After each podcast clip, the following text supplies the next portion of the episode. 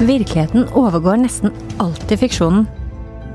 Og det gjør den også i det som nå spiller seg ut for åpen scene i USA. Det er skurker, det er helter, alt ettersom hvor du sitter i salen. Det er sannhet, løgn og riksrett. Er det lettere å forstå Trump-høringene hvis det hadde vært en TV-serie? Jeg heter Kristine Hellesland. Dette er Verdens gang. Scene 1. En fjernkontroll treffer pulten i Det hvite hus, i det ovale rom, eh, og vi hører det slenges med døra. Donald Trump skriker et eller annet uforståelig mens han går til bordet sitt, tar fjernkontrollen og skrur på TV-en. Han er tydelig prega. Der sitter Sandlen og skal fortelle om han tror det har vært quid pro quo eller ikke. Akkurat sånn kunne åpningsscenen i en TV-serie om riksrettsprosessen mot Donald Trump sett ut. Vi er jo nå midt i høringene som kan føre til at Donald Trump blir stilt for riksrett. Og i forrige uke kom et stort vendepunkt. Da Sunderland, en ihuga Trump-supporter og EU-ambassadør, vitnet om hva som hadde skjedd mellom ham og Trump, og alle de andre mektige mennene i Det hvite hus. Mange mener at dette vitnemålet gjør det vanskeligere for Trump å komme seg unna riksrett. Vi tror dette kommer til å bli en spennende TV-serie. Derfor må vi snakke med en ekte TV-seriemann. Gjermund Stenberg Eriksen, serieskaper for bl.a. Mammaen, og lager podkasten Trump mot verden for NRK. Gjermund, hvordan vil dette se ut som en TV-serie? Det første er viktig å si, er at da hadde jeg jo sørga for å få betalt et år. Men la oss prøve å gjøre det på semidirekten. Eh, så tror jeg at det blir gjort sånn som man gjør i dramaserier. Man bryter det opp i tre-fire ulike historielinjer for å få fram ulike følelser og ulike tanker. Og her hadde jeg fokusert på tre linjer, eh, hvor den første hadde tatt tak i whistlebloweren eh, som starter det hele. Og hele det enorme trykket som er rundt den personen, inni Det hvite hus og rådgiverapparatet rundt.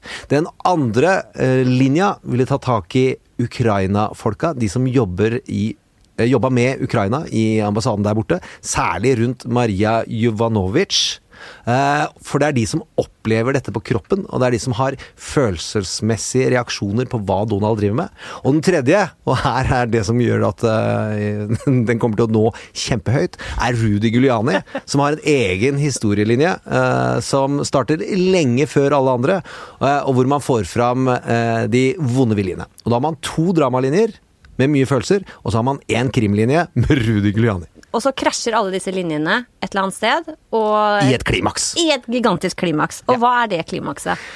Det er det jo vanskelig å spå, men uh, det går an å anta at uh, det vil bli en, uh, et pyrostap først. det vil si at i Senatet så taper demokratene. Han blir frikjent, men de vinner krigen ved at han ikke uh, vinner valget. Men det er litt tidlig å si. For ja. å si det forsiktig. Ja, for det, nå er vi på en måte allerede i slutten av sesong én av denne TV-serien du nå tegner opp. Hvis, du, hvis, vi går litt tilbake, da. Kan du ikke dele inn episodene, sånn at vi får litt av historien av det som nå har skjedd. Vi starter med whistlebloweren. Det er han som skrev uh, varslerbrevet, og som vi fortsatt ikke er helt trygge på hvem, uh, som, uh, hvem er. og som opplever et kjempejakt på seg selv, inntil Donald sjøl slipper telefonsamtalen, eller et sammendrag av telefonsamtalen, som åpner opp hele saken, eh, slik at eh, lederen i Representantenes hus, Nancy Pelosi, gjør det hun har sagt hun ikke vil, nemlig starte en impeachment-høring. Hun får høre det på en fredag, og på mandag så er det i gang. We're on, som Nancy sa inni seg selv den morgenen.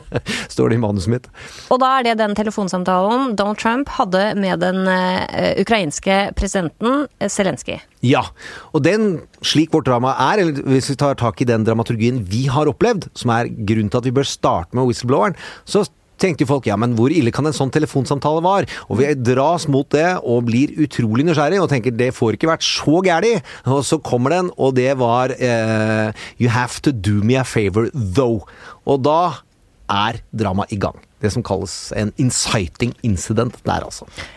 Og da, ikke sant? Så da slipper vi den eh, linja, og så går vi over til eh, Er det da vi går over til neste Det er da vi kan hoppe bakover i tid, og så kan vi se hvordan Maria Jovanovic eh, opplever å være i Ukraina og få besøk av Rudy Giuliani, eh, og hvordan eh, disse eh, planene som Rudy og Donald har lagt, påvirker hennes jobb, hvordan de prøver å få fjernet henne fra sin stilling, og hvor det er en eh, krig, og hvor folk dør, og hvor du får fram det menneskelige problematiske ved det Donald har gjort. I as an American citizen who has devoted the majority of my life, 33 years, to service to the country that all of us love. Maria Jovanovic er den tidligere ambassadøren i Ukraina som fikk sparken av Donald fordi de var nødt til å fjerne henne for å få gjennomført disse planene om å få ødelagt for Joe Biden sitt eh, presidentkandidatur. Kaller du det dramalinje, eller hva kaller du det? Man kaller det storyline på godt norsk.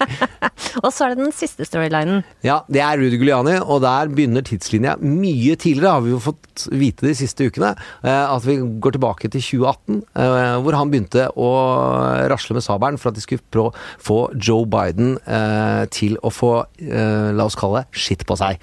Eh, Og da har han ikke bare lekt med Donald, han har også lekt med andre mennesker som dramatisk nok blir arrestert på en flyplass idet de er i ferd med å cashe inn sin enveisbillett til Wien, hvor det sitter en russisk-ukrainsk mangemilliardær.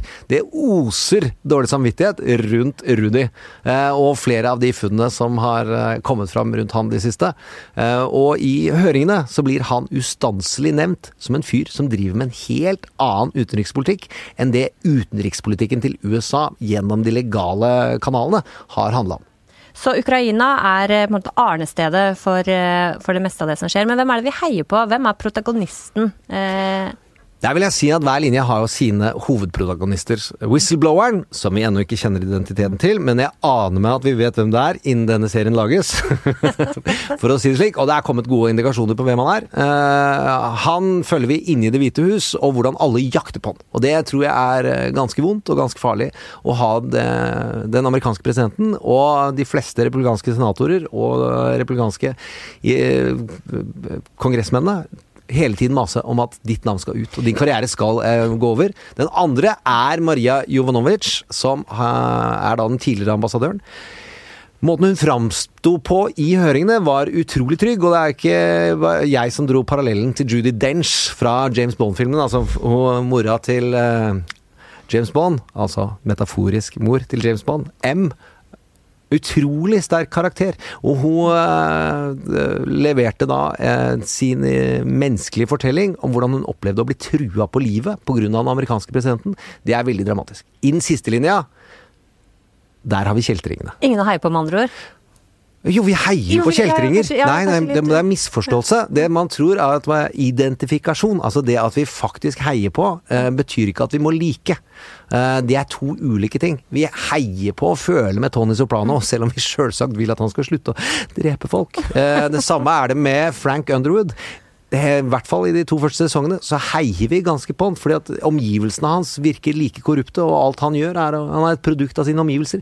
Uh, og så heier vi ikke på han til slutt, da, for da er det Da mye det som vilt, ja. Det er mye som krasjer i Frank Underwoods liv, og, og med karakteren som spiller, altså skuespilleren som spiller nå. Kevin var vanskelig å heie på til slutt. Ja, ikke sant? Der glir det i Ja. hverandre, fiksjon og virkelighet. Ja. Og hva er vendepunktet i disse historiene?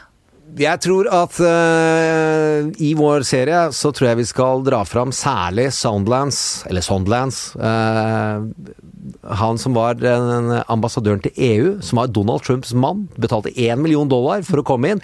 Og er eh, litt sånn stordalensk hotellkonge. Skryter av at han ikke tar notater. Trenger ikke være forberedt. Og jeg er ikke den som husker hva som ble sagt. Helt På til han, helt onsdag, han husker det, på onsdag så var han nødt til å si at eh, alle lurer på om eh, det har vært quid pro quo, altså noe for noe. Bestikkelse eller eh, extortion, som noen kaller det der borte. Was there a quid pro quo? As I testified previously, with regard to the requested White House call and the White House meeting, the answer is yes. Og han sier ja, det har det vært. Og alle har vært med på det. Hvordan slutter dette her?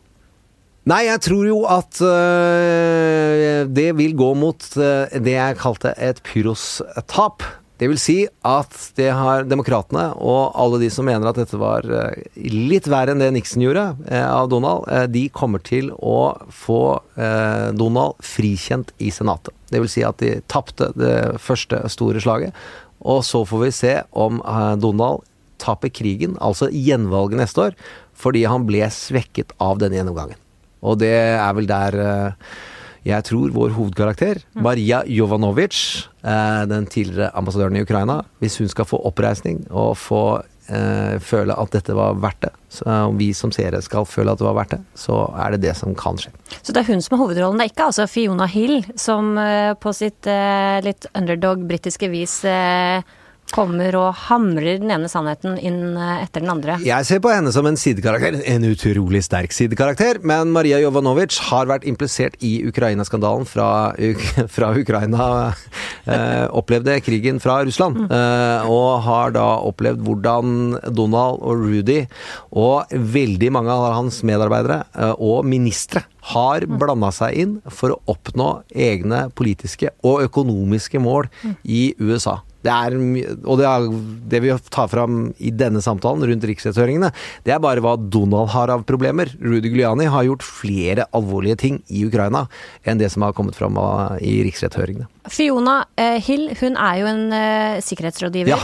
Og, og kom fra Brookings-instituttet, ikke viktig, men eh, hun kommer fra utrolig respektable eh, kår, og har tre generasjoner eh, av presidenter hjulpet til med å forstå Russland. Mm, så når de- hun snakker, så hører de på henne. Ja. Og det man kan si her, er at vi dramatiserer den amerikanske drømmen gjennom birollegalleriet rundt Fiona Hill. Hun kommer fra fattige engelske kår i Nord-England med gruvearbeiderforeldre, og aksenten hennes er der. This is a fictional narrative that has been perpetrated and propagated by the Russian security services themselves. Du har han oberstløytnant Winnemann, han som var en ganske søt Disney-aktig eh, militærfyr, som også ga en utrolig sterk fortelling. Blitt dratt til USA som fireåring og gjør en kjempekarriere og er den amerikanske drømmen. Og Maria Jovanovic, som har den samme typen eh, fra fattige kår og til de øverste maktens tinder i USA. De er den amerikanske drømmen, og hvis de får eh, gjort en stor forskjell i Donald Trumps gjenvalgsmuligheter, så har vi levert på drøm, eh, vinner til slutt. Og hvis ikke, så er vi i tragedielandskap. Og For- der har vi jo vært en treårsperiode nå, så det går. Tror du denne serien kommer til å realisere seg? Ja, det er jeg villig til å vedde skoene mine på. Eh, eller bootsa, da. Som jeg er veldig glad i. Som er oppkalt etter en annen filmkarakter. Og da, og da vet de hvor de kan komme for et første utkast eh, for manuskript. Da kan de ta kontakt med, med deg og Det- meg. Det er bare å ringe. Det er det, er det gode penger i. Scene 949. Tett på en fjernkontroll som slenges på en pult. Vi hører lyden av orden. En mann som stabler papirene, organiserer glass og kopper, gjør seg klar. En hånd tar fjernkontrollen, setter på TV-en, og kameraet drar seg opp og finner ansiktet til Vladimir Putin, som er i ferd med å finne ut hvem som vant gjenvalget i USA. Han smiler. The end. Verdens Gang lages av Tor Erling Tømterud, Emilie Hall Torp, Roy Furhaug og meg, Kristine Hellesland. Teknisk produsent er Magne Antonsen.